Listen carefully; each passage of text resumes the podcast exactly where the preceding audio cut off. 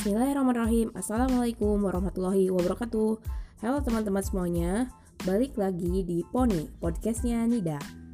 Kali ini Episode 6 Nida mau share tentang Diskusi yang dilaksanakan oleh FKMPM Jadi tanggal 12 September minggu lalu itu FKMPM ngadain um, pelatihan atau seminar bisa dikatakan enggak juga ya ya sharing-sharing aja lah tentang jurus membuat jurnal. Pematerinya itu ada Alif, ada juga Mbak Eka.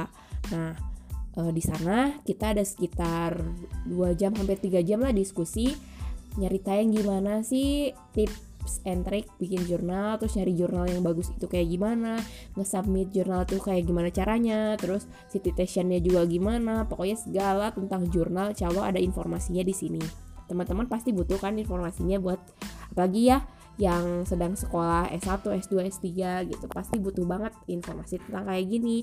So dengerin ya podcastnya Nida.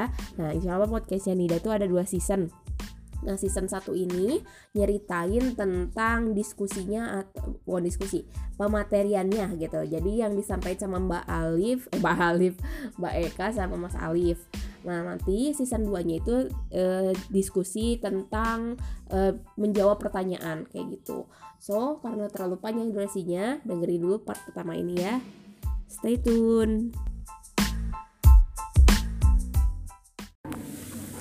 Yang ketiga, jadi kemauan itu muncul uh, yang berasal dari diri sendiri. Ketika kita mempunyai kemauan, maka uh, kemauan itu akan terrealisasi dengan uh, motivasi yang ada di diri kita sendiri. Terus yang kedua, uh, terkadang seseorang itu menulis itu uh, kurang termotivasi. Ketika uh, dirinya sendiri tidak ada motivasi, maka uh, seorang penulis itu memerlukan motivasi dari orang lain. Seperti itu. Dan yang ke terakhir itu misalnya uh, kita ingin menulis uh, karena ingin cepat selesai kuliah atau namanya dikenal, dikenal oleh orang dan pendapatnya diketahui orang. Itu terus yang kedua apa kendala dalam menulis jurnal? Banyak sekali teman-teman saya uh, teman angkatan saya yang semester 4 sampai saat ini masih bingung untuk menulis jurnal. Masih ada? Ya jadi uh, mereka itu bingung untuk memulai dari mana ketika menulis jurnal. Uh, ada pemikiran mereka yang tidak merasa percaya diri padahal belum berusaha. Terus kemudian malu takut atau tidak percaya diri bahwa kemampuan bahasanya yang kurang baik. Yang terakhir adalah kurang termotivasi karena berbagai sebab malas tidak ada keinginan untuk maju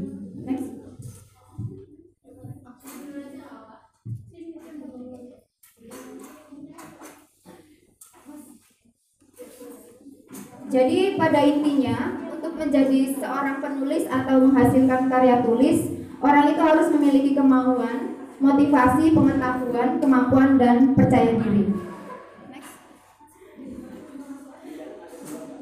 Nah, uh, saya lihat tadi di sini banyak teman-teman yang uh, baru semester 1 Ya, pasti teman-teman semuanya uh, masih bingung gitu ya, pengen uh, apa namanya menulisnya berawal dari mana gitu. Nah, ini adalah langkah awal pembuatan karya ilmiah dan cara menentukan topik. Yang pertama itu ada uh, bagi penulis pemula, topik sebaiknya dicari sesuai dengan bidang. Jadi usahakan ketika teman-teman ingin menulis sebuah artikel itu disesuaikan dengan bidangnya. Misalnya teman-teman uh, ada di dalam bidang pendidikan, maka diusahakan topik atau tema yang akan kita pilih sesuai dengan bidang kita. Yang kedua, bertanya kepada diri sendiri. Ketika kita sudah e, menentukan suatu topik atau suatu tema, kita harus tanya kepada diri kita sendiri, apakah kita mampu dengan e, mengambil sebuah tema yang akan kita e, jadikan nantinya sebuah artikel. Yang ketiga, membaca sebanyak-banyaknya. Jadi intinya, saya berbagi pengalaman sedikit kepada teman-teman. Ketika saya masuk UIN Sunan Kalijaga, saya kan berasal dari UIN Raden Intan Lampung dan di sana itu tidak terlalu ditekankan kepada penulisan karya ilmiah. Jadi ketika saya masuk ke sini, e, masuk ke S2, saya merasa bingung. Mau menulis itu berawal dari mana? Ya. menulis itu berawal dari mana saya juga bingung dan akhirnya saya mempunyai inisiatif dan kebetulan saya juga di sini uh, waktu itu ada kakak tingkat yang kebetulan memang beliau itu sudah banyak sekali karyanya yang sudah ter terpublish dan alhamdulillah beliau itu uh, care gitu dengan adik-adik tingkatnya. Jadi uh, beliau itu lebih mengarahkan kepada ayo menulis coba menulis bagaimana? Kalau nanti kalian lulus tidak ada karya tulisnya seperti itu. Uh, jadi diawali dengan membaca. Yang keempat kembali lagi ke pembaca. Terus yang kelima diskusi dengan teman sejawat atau seminar. Jadi diskusi dengan teman sejawat ataupun mengikuti seminar uh, itu sangat penting sekali ketika kita akan menuliskan sebuah karya ilmiah kalau di UIN Sunan Kalijaga ini banyak sekali eh, seminar-seminar uh, yang berkaitan tentang uh, karya ilmiah ataupun workshop gitu. Jadi usahakan kepada teman-teman semuanya ketika ada seminar maupun workshop uh, untuk mengikutinya.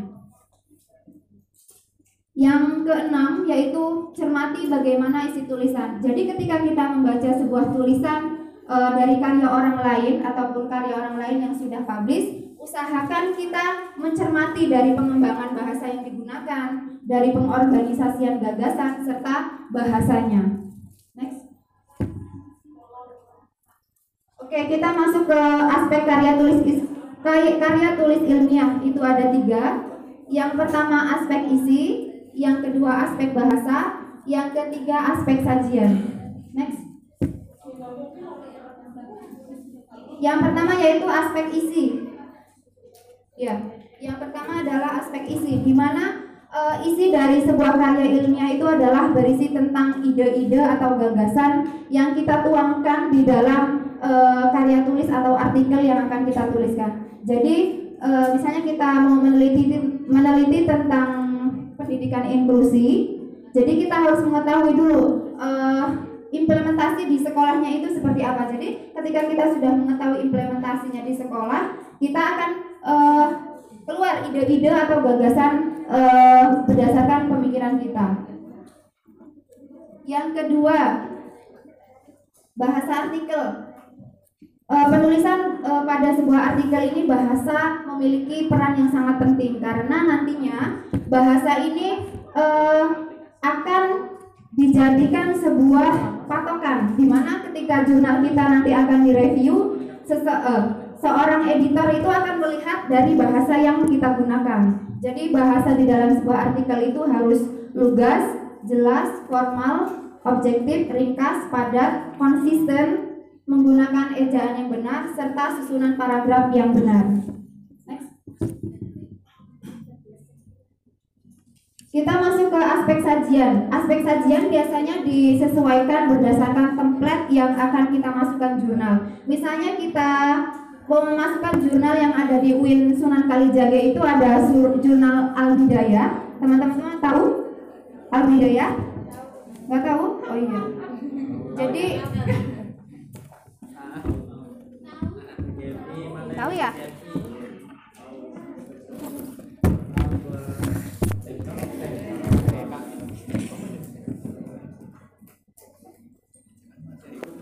Nih, ini adalah jurnal yang ada di uh, UIN Sunan Kalijaga. Ini adalah jurnal Al Bidayah. Kalau untuk jurnal yang ada di UIN Raden Intan Lampung itu jurnal terampil. Nih, ini adalah jurnal yang ada di UIN Raden Intan Lampung. Jurnal ini sudah terindeks Sinta 4. Sinta 4. Jadi uh, untuk masuk ke dalam jurnal ini lumayan agak susah.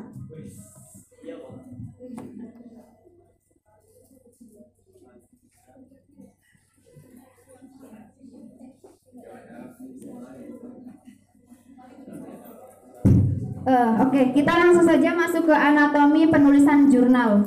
Ada berapa anatominya? Ada 10. Ini adalah uh, sebuah apa ya? Sebuah komponen yang harus dituangkan ke dalam sebuah artikel ketika kita akan menulis uh, artikel itu sendiri. Yang pertama dimulai dari judul. Yang kedua nama judul. Yang ketiga abstrak. Keempat kata kunci. Kelima pendahuluan. Keenam landasan teori ketujuh metode penelitian, Kedelapan hasil dan pembahasan. Kesembilan ada simpulan dan saran. Kesepuluh daftar pustaka. Yang pertama kita masuk ke dalam penulisan judul. Judul merupakan bagian awal artikel sebelum pembaca men, e, menulis keseluruhan isinya. Jadi e, ketika kita akan menuliskan sebuah judul, kita kan mengetahui dulu permasalahan yang akan kita teliti itu apa. Jadi ketika kita sudah mengetahui permasalahan yang akan kita teliti, maka secara otomatis kita akan dapat menentukan sebuah judul seperti itu. Next. Nama penulis Nama penulis itu uh, berisi unsur nama penulis dan lembaga atau unit kerja dengan alamat dan alamat uh, korespondensi. Jadi di sini ada nama, terus ada nama unit kerja serta ini tidak dimasukkan email, bawahnya ada email. Jadi ada tiga uh, gabungannya itu nama, uh, lembaga serta emailnya harus dimasukkan. Nama penulis Nama penulis itu tidak boleh disingkat. Misalkan kita e, bekerja sama dengan teman kita menulis sebuah jurnal, ada misalnya ada tiga orang nih. Jadi ketiga orang ini harus dicantumkan semua namanya. Nama tidak boleh disingkat. Next. Oke, kita masuk ke abstrak. Abstrak itu adalah ringkasan dari sebuah penulisan atau artikel yang kita tulis. Jadi ada beberapa komponen ketika kita menulis abstrak yang harus diperhatikan. Yang pertama yaitu harus ringkas dan padat tentang ide-ide yang paling penting. Kedua, eh, abstrak itu harus memuat tujuan penelitian, prosedur penelitian, ringkasan hasil penelitian.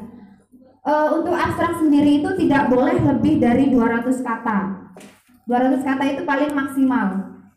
Terus kemudian tidak ada singkatan, kutipan, tabel, gambar, dan merek dagang. Jadi di dalam abstrak itu e, tidak boleh ada nama singkatan. Jadi e, diusahakan di dalam sebuah abstrak itu berisi uraian.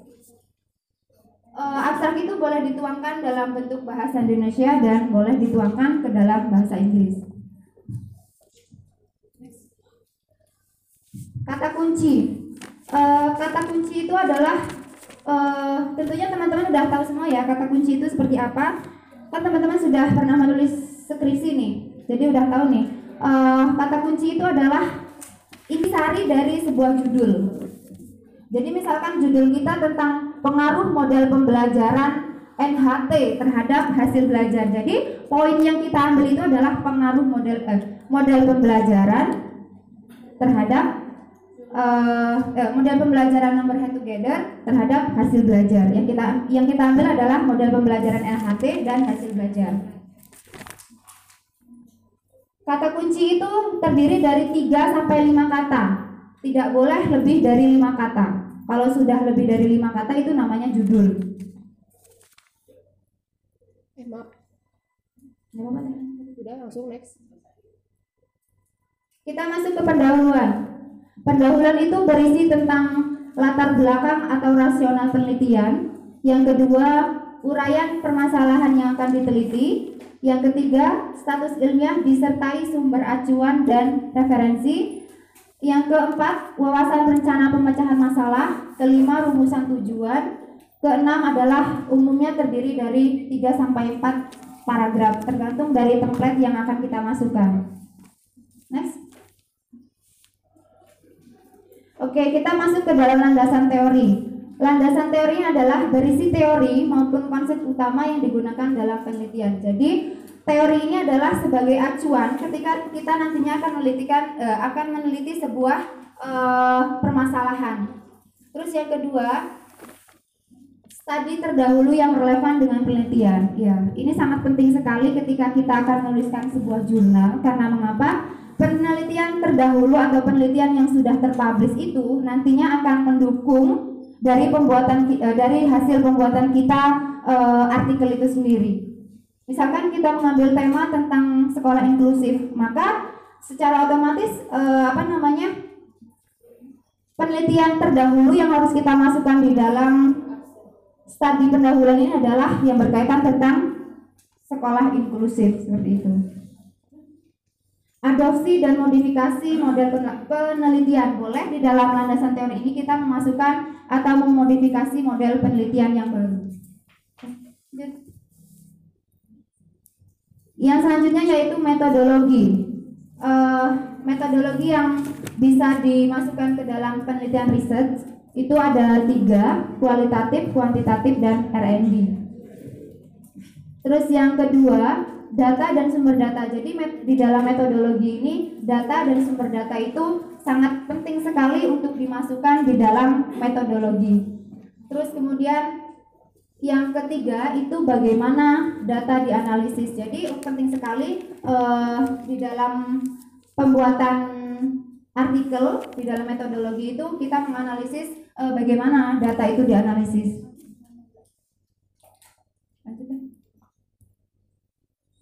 Oke, kita masuk ke dalam hasil dan pembahasan. Yang pertama itu ada penyajian bersistem. Jadi di dalam hasil dan pembahasan itu uh, kita harus memasukkan atau menuangkan ide-ide yang ada di dalam pikiran kita itu secara bersistem atau berstruktur. Jadi nantinya ketika kita menuangkan sebuah ide di dalam sebuah hasil dan pembahasan tidak terstruktur, maka orang yang akan membacanya itu bingung, bingung seperti itu. Boleh di dalam hasil dan pembahasan itu diperjelas dengan gambar atau tabel, tergantung dari template yang akan kita masukkan. Terus yang keempat, data ilustrasi harus ditafsirkan dalam uraian dengan perhatikan masalah. Jadi di dalam hasil dan pembahasan ini e, menuangkan e, rumusan masalah yang e, ada di dalam pendahuluan seperti itu. Oke, di dalam hasil dan pembahasan itu e, mencakup ada lima komponen yang harus kita perhatikan. Yang pertama yaitu menjawab masalah penelitian atau menunjukkan bagaimana tujuan penelitian tercapai. Jadi e, di dalam hasil dan pembahasan itu harus di, diuraikan menjawab permasalahan penelitian. Yang kedua yaitu menafsirkan hasil-hasil penelitian atau membandingkan hasil penelitian dengan model teori yang diacu. Jadi di dalam hasil dan pembahasan itu Eh, kita kan tadi sudah memasukkan teori, teori di dalam uh, pendahuluan. Jadi di dalam uh, apa namanya hasil dan pembahasan ini kita uraikan bagaimana ha, apa hasil-hasil dari temuan yang kita teliti itu. Yang ketiga, uh, hasil dan pembahasan itu harus mengungkap, mengemukakan pendapat atau argumentasi secara bebas tetapi singkat dan logis. Jadi boleh kita uh, mengemukakan pendapat seluas-luasnya, sebebas-bebasnya, tetapi tidak keluar dari konteks apa yang kita bahas seperti itu. Yang keempat ada menghubungkan hasil penelitian Anda dan penelitian yang sebelumnya. Oke, di dalam bab hasil dan pembahasan, pembahasan ini kita boleh memasukkan. Artinya kita memodifikasi penelitian yang sudah dilakukan seseorang dan dimasukkan ke dalam hasil pembahasan kita. Jadi nantinya e, penelitian yang kita tuangkan itu ada seperti apa ya? pendukungnya, pendukungnya di dalam bab 4 ini. Terus yang kelima, menjelaskan arti temuan untuk memperluas cakrawala ilmu dan teknologi atau menyusun teori baru atau modifikasi. Jadi boleh kita di dalam e, hasil dan pembahasan ini memodifikasi hasil temuan dengan teori yang baru. Next. Selanjutnya yaitu kesimpulan. Kesimpulan itu adalah rang, rangkuman dari sebuah hasil artikel yang kita tulis. Jadi yang pertama, kesimpulan itu tidak boleh kopas tidak boleh kopas dari hasil pembahasan. Yang kedua, pernyataan pendek atau generalisasi dari temuan. Jadi kesimpulan itu adalah berupa uraian e, narasi pendek dari hasil temuan. Yang ketiga, memuat jawaban atas pertanyaan yang diteliti. Jadi di dalam kesimpulan itu adalah menjawab dari hasil temuan yang kita teliti. Yang keempat, berupa deskriptif atau bukan numerik. Jadi di dalam kesimpulan itu kita tidak boleh menuangkan uh, angka, tetapi lebih kepada uh, huruf uh, berbentuk narasi seperti itu. Lanjut. Oke, yang terakhir adalah saran. saran itu harus lengkap sesuai dengan rujukan dalam teks atau disesuaikan dengan template yang akan kita tuju nantinya uh, ketika kita akan menerbitkan sebuah artikel seperti itu. Oke. Okay. Uh, itulah tadi hasil apa ya rangkaian atau sebuah rangkuman dari yang saya buat berdasarkan uh, apa namanya berdasarkan pengalaman saya uh, ketika menulis jurnal Uh, terima kasih. Uh, saya kembalikan ke moderator. Masya Allah, tepuk tangan untuk Mbak Eka. Materi yang sangat luar biasa. Bagaimana kita itu gak usah bingung-bingung sih sebenarnya nulis tuh. Tadi Mbak Eka udah jelasin banget caranya gitu kan. Bagaimana kita itu perlu untuk uh, mensistematikan penulisan kita agar lebih difahami oleh pembacanya seperti itu. Meskipun penelitian kita dirasa menarik bagi kita dan juga bagus, akan tetapi kita juga perlu untuk memperhatikan teknik dalam kepenulisan. Dan setiap jurnal punya format tersendiri gitu. Sebagaimana yang disampaikan Mbak Eka, ada template-nya tersendiri. Meskipun teman-teman sudah punya uh, gambaran bahwa isinya tadi ada apa? Pendahuluan ya, pendahuluan, lalu isinya, lalu juga nanti ada hasil dan simpulan. Namun itu perlu disesuaikan apakah jurnal tersebut meminta kita untuk formatnya nanti uh, jadi satu halaman itu satu jajar atau jadi dua kolom seperti itu juga harus dipertimbangkan. Tapi ini tidak cukup untuk kita uh, menulis jurnal. Nah, untuk melengkapi materi berikutnya, untuk melengkapi materi jadi ada materi berikutnya dari uh, Mas Alif ini ya. Mas Alif sudah siap? Sudah siap. Tadi untuk waktunya sih kita yang penting materinya sampai jadi tidak dibatasi banget gitu ya. Silakan teman-teman yang sudah punya pertanyaan dicatat jangan lupa gitu. Nanti ada sesi diskusi dan tanya jawab. Sudah siap? Ya. Kita serahkan pada Mas Alif.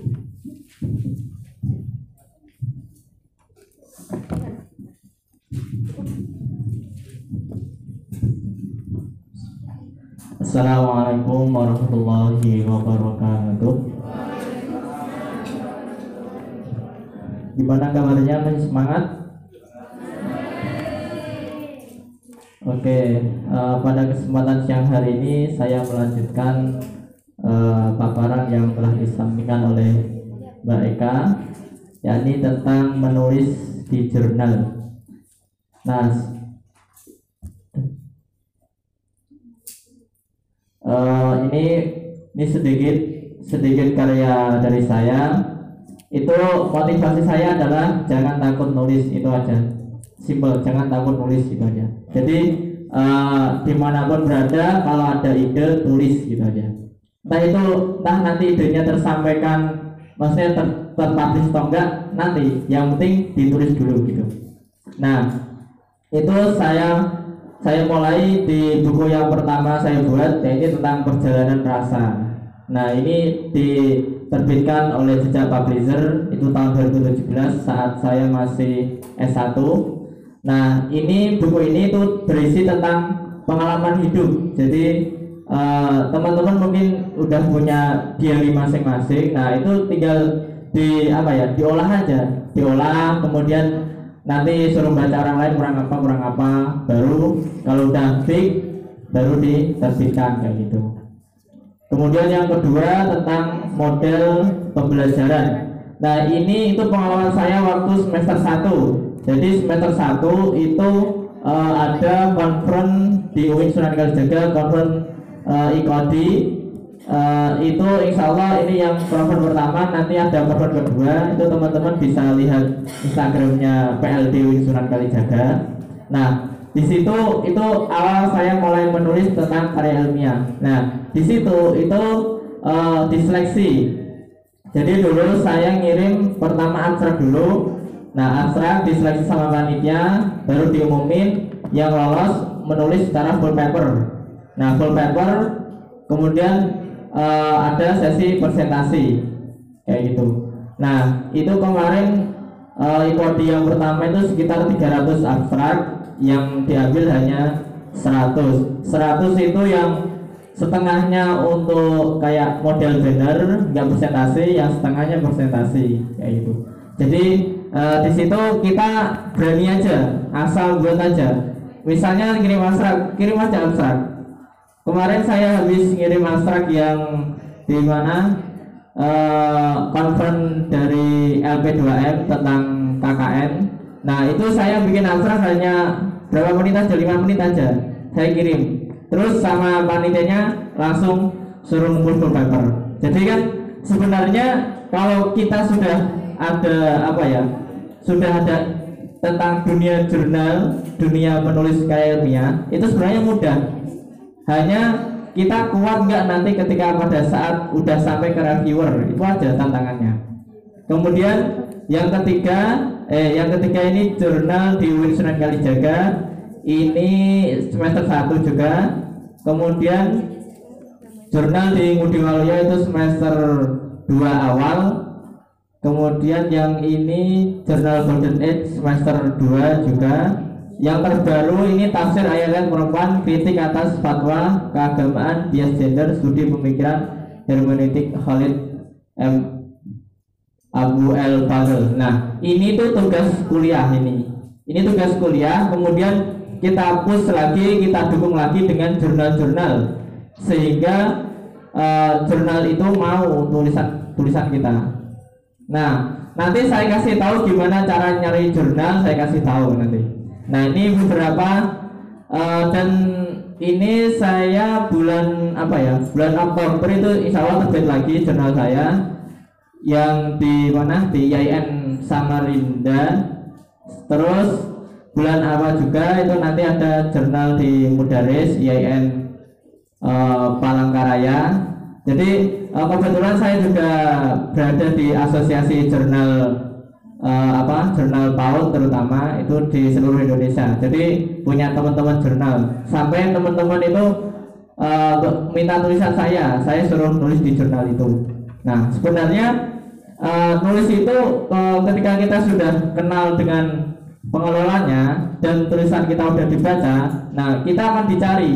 Jadi teman-teman saat ini berjuang dulu gitu loh, berjuang dulu. Nanti kalau udah sampai terakhir tulisannya udah bagus, baru nanti bakal dicari kayak gitu. Misalnya nih di jurnal di jurnal UIN ditolak, teman-teman kirim ke jurnal lain kamus lain, kayak kalah di UIN nanti di Lampung, di IAIN atau apa. Nah, jangan intinya tulisan itu jangan sampai jangan sampai nggak publish kalau bisa. Jadi apa pun masukan dari reviewer diperbaiki. Nggak usah nggak usah takut. Yang jangan asal memperbaiki nanti saya kasih tahu trik trik memperbaiki artikelnya bagaimana saya kasih tahu. Oke? Nah ini motivasi saya juga dari Ali bin Abi Thalib radhiyallahu ikatlah ilmu dengan menulis. Artinya apa? Kalau kita punya ilmu kemudian kita nggak nulis ya sama aja. Karena hanya berdakwah ya kalau pas orang itu um, mendengarkan. Kalau enggak lebih baik kan kita tulis. Nah kita tulis bermanfaat untuk orang lain bukan berarti kita nulis untuk nyari uang juga enggak juga. Tapi di sisi lain menulis jurnal itu juga ada yang beruang. Jadi saya kemarin suruh nulis di mana? Di IAIN Cirebon. Itu ada fee-nya ada fee dari dari jurnalnya. Tapi ada juga yang tidak ada fee-nya. Artinya gratis asal kita tinggal nulis. Terus ada juga jurnal yang berbayar. Nah nanti saya sampaikan uh, tingkatan akreditasi jurnal itu kayak mana dan yang pertama dari jurnal dulu jurnal itu apa artikel ilmiah berbasis riset. Nah, ini rata-rata mahasiswa dari apa? Mahasiswa semester 1 atau apa? Itu e, ketika mengirimkan jurnal itu mereka hanya library. Library itu secara kualitas itu masih kurang. Apalagi e, buku yang digunakan itu edisi terlama. Misalnya mau publish 2018 uh, temanya tentang uh, Ibnu tentang pemikiran Ibnu Maskawai terhadap pendidikan anak usia dini. Nah, buku-bukunya itu enggak ada yang primernya. Artinya buku kedua misalnya Ibnu Maskawai dalam Eka Tusiana itu kan posisi dalam artinya kan buku kedua enggak buku pertama. Nah kalau mau pemikiran itu cari buku yang pertama, misalnya buku yang berbahasa Arab kayak gitu.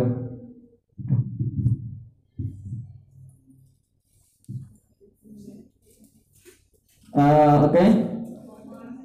Eh, selanjutnya saya eh, menjelaskan tentang struktur dari jurnal secara umum. Mana sih?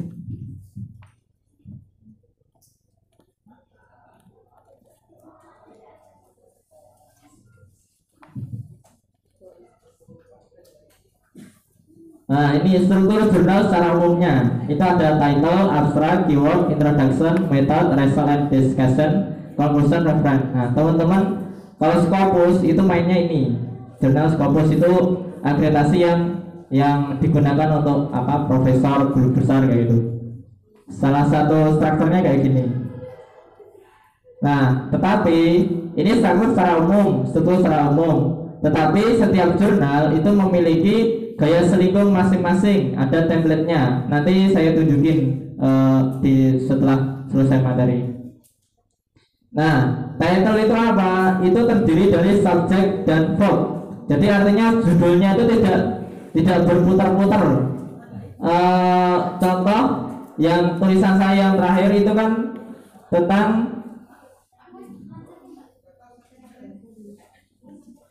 tentang tafsir ayat-ayat perempuan.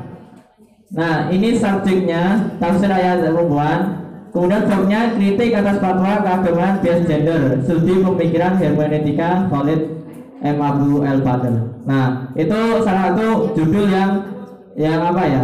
Yang menurut saya itu bagus. Kalau yang artikel-artikel sebelumnya itu judulnya masih belibet, masih muter-muter. Jadi itu ketika orang membaca itu nggak tahu maksudnya itu apa. Tapi ketika orang udah baca judulnya, oh ternyata tafsir manajemen kritik apa. Nah, itu kan orang udah tahu sehingga nanti tinggal cari pembahasannya. Kemudian abstrak. Abstrak itu terdiri dari apa? Itu berisi tujuan penelitian, metode, hasil penelitian, novelty. Artinya eh, abstrak di dalam abstrak itu hasil novel hasilnya itu hasil kebaruan dari penelitian teman-teman. Kebaruannya apa? Nah, isinya tentang tujuan. Jadi problem itu nggak perlu dicantumin di di abstrak. Langsung aja. Tujuan penelitiannya itu apa? Nah ini langsung saya kasih ke aja. Jurnal JPI UIN Sunan Kalijaga lihat abstraknya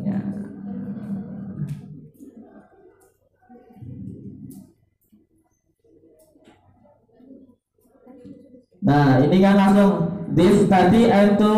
Nah langsung tujuan. Tujuan kemudian eh, ada metodenya. Ini the research method. Nah ini terus kemudian langsung ini isinya apa? Nah jadi di abstrak itu isinya hanya itu. Jadi nggak perlu menyampaikan eh, apa problemnya apa nggak perlu ditulis. Langsung tujuannya to the point tujuannya apa metodenya apa hasilnya apa. Nah. Terus selanjutnya ke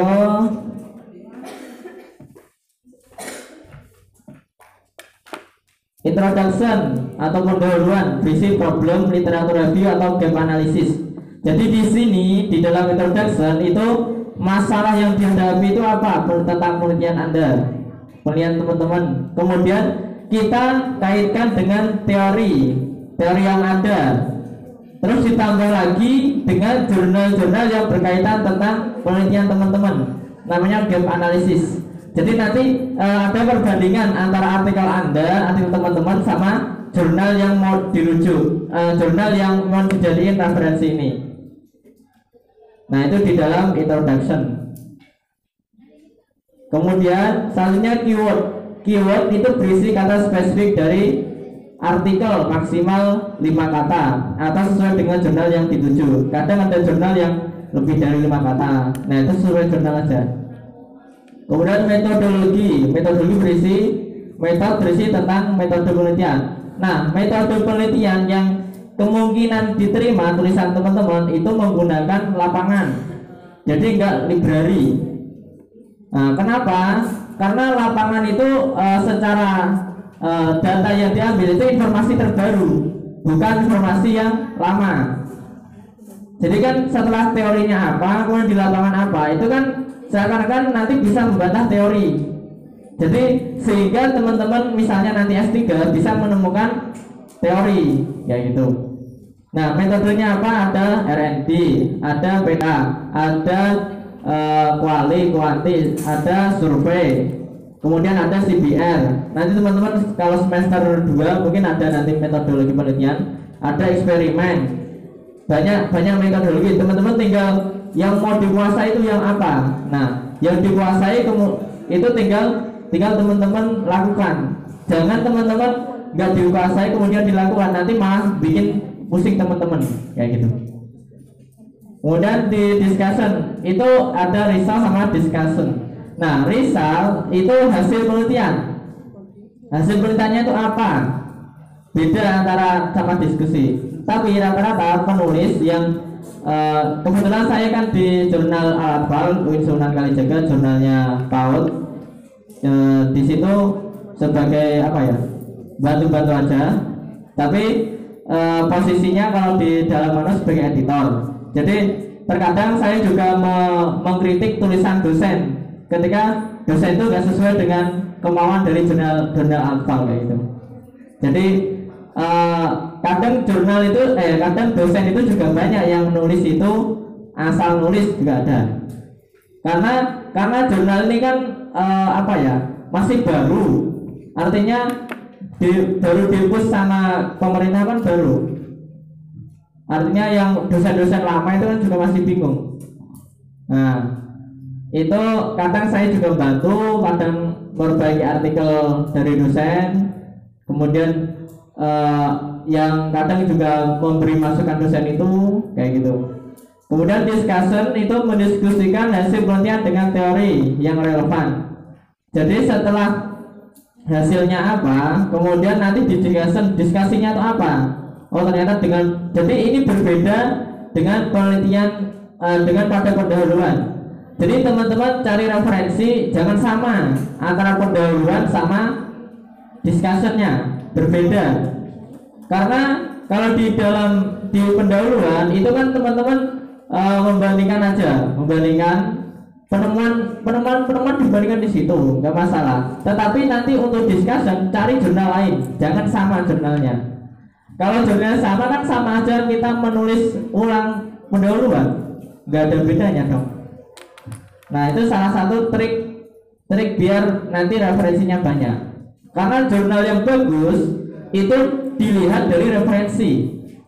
Bukan pilih e, referensi itu cara melihat jurnal itu dilihat dari referensinya dulu. Bukan dari judulnya menarik atau enggak tapi dari referensinya. Judulnya menarik referensinya hanya buku aja itu enggak menarik. Karena enggak ada gap analisisnya enggak ada. Padahal di jurnal itu adalah penemuan baru yang mana penemuan baru otomatis kan ada penemuan penemuan penemuan terdahulu. Nah, itu masuknya di gap analisis nanti. Kemudian konklusi itu berisi simpulan dari dari pembahasan dan diskusi bukan meringkas. Jadi bukan serta merta di konklusi nanti diringkas sampai beberapa paragraf itu enggak. Jadi konklusi itu sebenarnya banyak butuh penemuan itu apa gitu loh setelah hasil diskusi itu. Jadi nggak perlu ditulis ulang misalnya faktor yang mempengaruhi apa faktor yang menghambat pembelajaran ini ini ini kemudian dijelaskan ini ini. Itu kan terlalu terlalu belibet. Nah langsung aja. Tujuannya itu apa? Oh ternyata teori ini itu ternyata sekarang masih relevan misalnya dengan kondisi saat ini. Nah sehingga nanti kalau di jurnalnya minta saran kasih saran. Kalau enggak enggak usah. Gitu aja. Kemudian referensi. Referensi referensi ini kalau dalam dunia jurnal jurnal bagus itu 60% jurnal. Ingat ya 60% jurnal baru buku itu 40% itu jurnal yang bagus. Tapi teman-teman kalau pemula itu mulailah dengan tulisan teman-teman dulu. Misalnya susah nyari jurnal uh, apa hanya buku aja. Nah itu coba teman-teman kirim. Mana tahu lolos kayak gitu Cuman kan saya hanya memberitahu jurnal yang bagus itu jurnal yang referensinya itu 60% jurnal, 40% itu buku.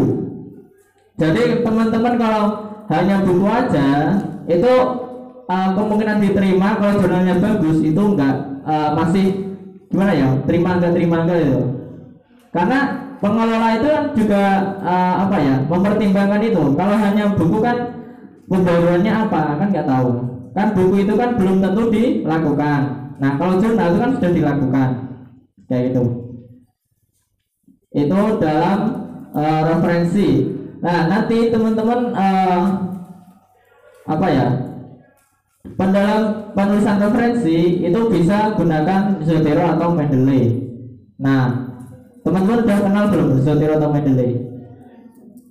Ada yang udah ada yang belum ya? Nah kalau kalau apa ya? Kalau yang enak menurut saya itu Mendeley. Mendeley itu uh, menurut saya paling enak referensi jadi nanti dengan Mendeley kita bisa uh, bikin footnote sesuai dengan permintaan jurnalnya atau apa. Kayak gitu. Karena kadang kan uh, ada berbagai style style apa? Style jurnal masing-masing. Terus sekarang teman-teman cara menambah referensi itu kampus kita UIN Sunan Kalijaga itu sudah uh, berlangganan dengan jurnal-jurnal yang di luar Nah teman-teman bisa nanti diklik lib.uin strip suka.ac.id garis miring database strip in strip jurnal. Nah nanti teman-teman buka. Nanti banyak banyak uh, apa ya jurnal-jurnal luar yang ada yang langganannya UIN bisa di download kayak gitu. Jadi teman-teman nggak perlu susah nyari jurnal internasional atau apa. Nah,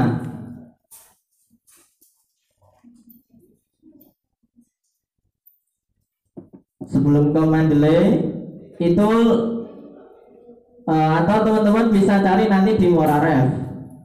Muraref itu ada nanti jurnalnya mau apa? Itu ada ini studi Islamika, tinggal cari aja. Misalnya uh, saya cari Al Asfal misalnya. Nah, kalau yang sudah ngindek, ngindek, ngindek di Muraref pasti ada.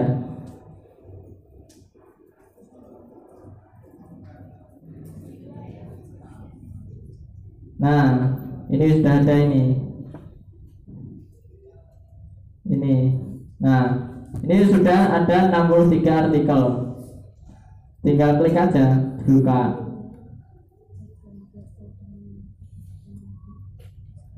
Nah, itu sudah ada ini uh, apa? Jurnalnya. Ini tinggal downloadnya ini.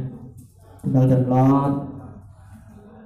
Nah, atau teman-teman uh, pengen download jurnal lain cari tulisan e-jurnal kamus mana? Misalnya ini e-jurnal UIN Sunan Kalijaga.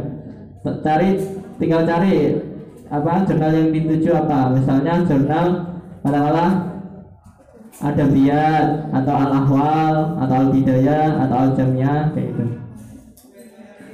Nah kalau teman-teman pengen uh, jurnal yang sudah terakreditasi gimana cara lihatnya itu bentar, bentar. saya lihatkan jurnal.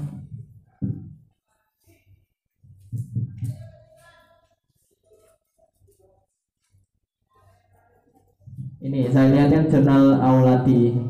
Ini dari YIN Cirebon. Nah, ini sekalian saya ajarin ketika teman-teman mau submit jurnal. Nah, teman-teman jika menginginkan uh, jurnalnya uh, tulisannya mau dipublish di jurnal udah ter apa? Udah terafiliasi. Nah, itu bisa dicek ini Sinta 4. Kalau enggak dicek ini ristek diktinya. Nah, dicek di apa? Di indeksnya. Nanti kan ada indexing. Kalau di apa? Kalau di alat file itu Sinta 4 ya. Kalau di UIN yang yang sudah Scopus itu Aljamnya. Jadi tingkatan akreditasi jurnal itu ada Sinta 1, Sinta 2, Sinta 4, Sinta 5, Sinta 6 paling rendah Sinta 6 Sinta 2 itu kategorinya B mas ya kategori B. Jadi e, kalau Sinta 1 dia udah udah misalnya udah tarafnya Scopus dia. Nah Scopus pun juga ada tingkatannya. Ada G1, G2, G3, G4 kalau Aljamiah itu di G4 nah Scopus itu sudah ada levelnya. Level nasional ataupun level internasional Nah, kalau jurnal yang di izin tiga itu kan dia Q1. Tapi Q1-nya itu beda dengan Q3-nya dari Al-Jami'ah. Jadi secara anu lebih tinggi Al-Jami'ah kayak gitu. Nah, teman-teman sebenarnya kalau mau mengawali sih mengawali tulisan misalnya nggak mau muluk-muluk sita berapa cari carilah jurnal yang belum terakreditasi atau apa itu biasanya nanti kemungkinan akan diterima. Nah tetapi dengan dengan dengan kesesuaian seperti itu jurnalnya belum sita belum belum terakreditasi. Kalaupun cari terakreditasi akreditasi paling enggak ya sita 4 atau apa. Nah terus terkadang teman-teman juga mungkin ada ini ya kok jurnal saya di mana? Di kampus UIN kok nggak diterima. Tapi kampus lain kok nggak diterima. Berarti ada yang kurang menurut pengelola di jurnal UIN nah kemarin saya menemukan salah satu author itu uh, submit di jurnal Al-Atfal kemudian saya tolak. Tapi uh, penulisnya itu dia malah tulisan saya udah banyak udah terbit di jurnal One jurnal luar UIN gitu Nah, kenapa ditolak? Salah satu adalah kenapa saya tolak? Pertama library, yang kedua tidak ada jurnalnya, hanya buku. Meskipun itu bagus, tapi kok tidak ada hanya library dan jurnalnya kurang, yaitu kemungkinan ditolaknya lebih banyak. Karena jurnal yang bagus menurut kami itu yang sudah ada lapangannya. Jadi kan kalau di apa di Anabal itu cari tentang ini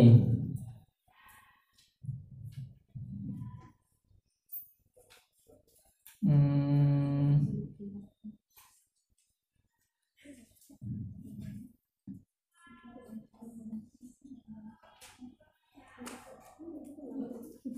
Nah, kalau di sini jurnal di al itu uh, dia Jurnal ini berfokus pada isu-isu terkini pendidikan anak usia dini.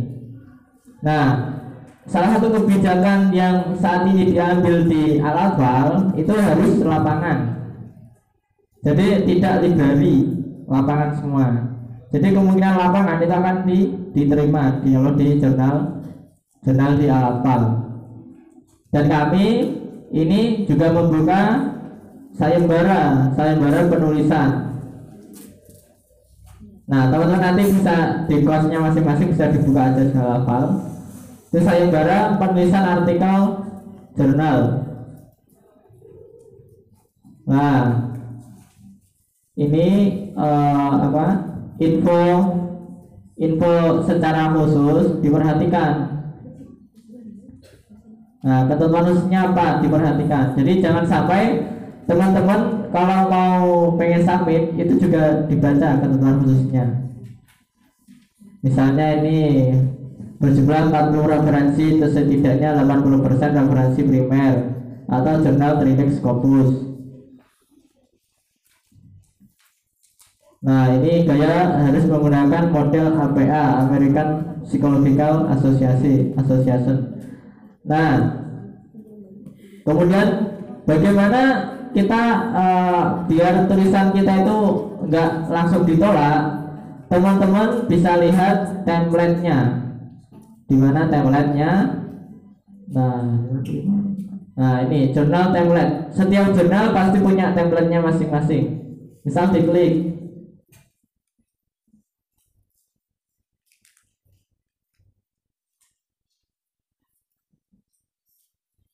Nah, ini template-nya. Misalnya judul 10 sampai 12 kata fontnya apa? Disesuaikan. Jadi setiap jurnal nanti ketika teman-teman buka e jurnal misalnya kampus Win Raden Intan Lampung misalnya jurnal dituju terampil. Nanti dicari itu. Ada nggak jurnal templatenya? Biasanya jurnal yang bagus itu ada. Nggak mungkin nggak ada. Kalau jurnal yang masih pemula biasanya biasanya langsung pengirimannya pun langsung via via email nggak via namanya ini OJS Open Journal System nah ini templatenya. Kemudian eh, teman-teman uh, misalnya ini mau nyari uh, apa udah ngide ke mana aja ini ada. Teman-teman mau nyari jurnal di Moraref ada. Di Dewa Aji ada. Di Garuda juga ada Google Scholar ada Sinta ada. Tinggal cari aja nah terus selanjutnya bagaimana cara kita meng mengsubmit submit artikel kita. Oke, waktu dari sebentar, bentar, 3 menit lagi. Uh, cara submit artikel jurnal ini ada register, register awak diisi. Nah, diisi tinggal yes. Kalau misalnya ini tinggal register. Ikuti aja perintah perintah di ini. Ini OJS 3 beda kalau OJS 2 nanti tampilannya berbeda. OJS 2 itu modelnya kayak aljamnya kayak gini. Nanti di kolom register. Teman-teman kalau belum punya akun register dulu. Baru disubmit.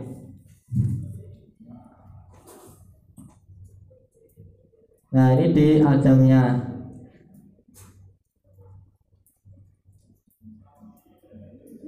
Nah, ini lebih lebih banyak kalau di apa, di OJS 2.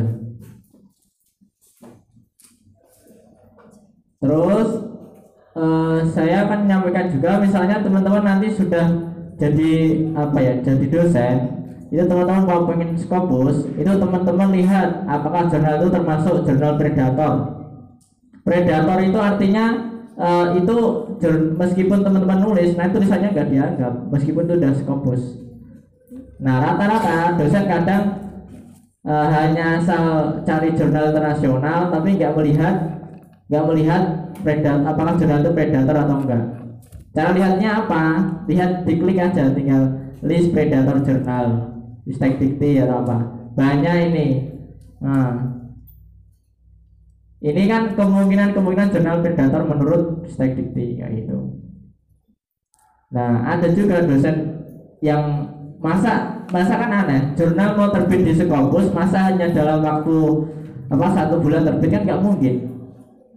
Namanya jurnal dan Sekopus itu paling enggak itu satu sampai dua tahun baru bisa terbit. Eh, teman-teman kalau mau jadi guru besar misalnya sekarang sekarang nulis. Mungkin terbitnya ya nanti 2021 2022 kayak gitu karena nanti lamanya dia apa di reviewer. Nah dan al jamiah sendiri itu sama kayak gitu modelnya. Jadi beliau uh, jurnal itu sudah ada stok untuk edisi ini udah ada. Yang summit kayak itu sampai ada jurnal yang sampai ada ada dosen yang pengen pengen apa ya? Pengen naik guru besar tapi secara kualitas artikelnya tuh kurang gitu.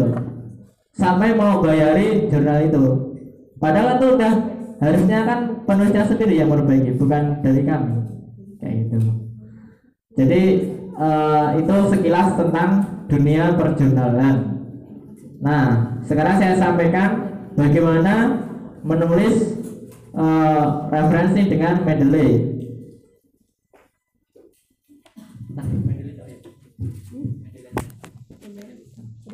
Yuk. Nah, ini teman-teman bisa buka mendeley.com. Nah, setelah Mendeley itu nanti ada kolom eh ada menu di atas itu, ada sign in, create account atau download. Download tinggal download aplikasinya, di download. Create account tinggal nanti teman-teman buat buat buat apa akunnya. Nah, setelah itu Anda masukkan email.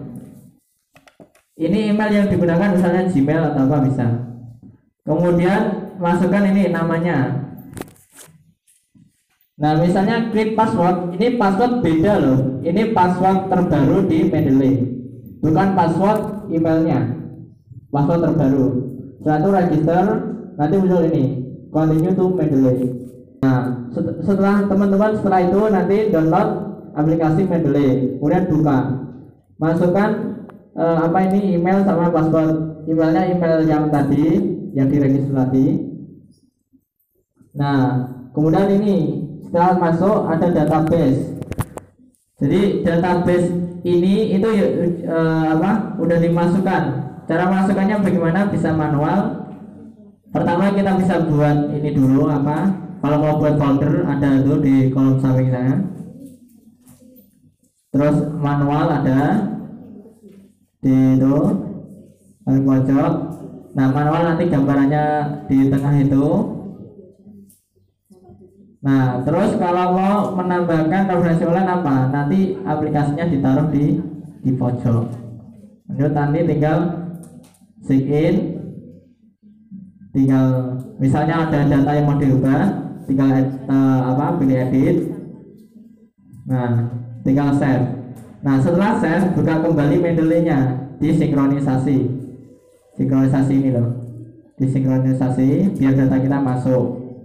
Habis itu kalau mau nulis uh, apa referensi tinggal ini ada menu insert citasi insert referen menu referen kemudian insert citasi nah kemudian muncul nah ini ini muncul ini kalau misalnya bukunya belum dimasukkan ke database Mendeley juga nggak bisa kedetek jadi buku yang mau digunakan harus masuk ke data Mendeley dulu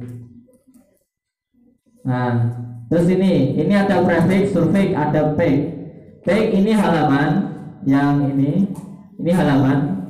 Nah, itu halaman berapa? Misalnya halaman 1 sampai 2. Nah, terus Nah, ini prefix itu penjelasannya misalnya sebelum misalnya ada kata Win Sunan Kalijaga mau dijelasin di bawahnya. Win Sunan Kalijaga adalah nah itu di prefix. Kemudian survei itu lihat lihat juga lihat juga. Kalau bahasa Indonesia nya gitulah. Nah nanti muncul ini, muncul kalau misalnya udah muncul. Misalnya ini Mulyasa manajemen PAUD. Nah ini gayanya menggunakan Cicago manual. Nah ini ini uh, ini stylenya. Ada American sesuai dengan jurnal yang dituju. Ada yang full note, ada full note. Kayak itu. Nah, terus ini mau nambah dari daftar pustaka. Jadi kita nggak perlu menulis ulang daftar pustakanya, tinggal insert di bibliografi. Ini loh, tinggal insert aja. Nah, nanti muncul langsung ini. Itu aja. Nah, ini yang terakhir, orang boleh pandai setinggi langit tapi selama ia tidak menulis ia akan hilang di dalam masyarakat dan dari sejarah. Menulis adalah bekerja untuk keabadian. Kemudian Ataturk. Nah demikian dari saya uh, mungkin lebih lebih singkatnya eh lebih jelasnya nanti bisa kita diskusikan bersama. Demikian wassalamualaikum warahmatullahi wabarakatuh.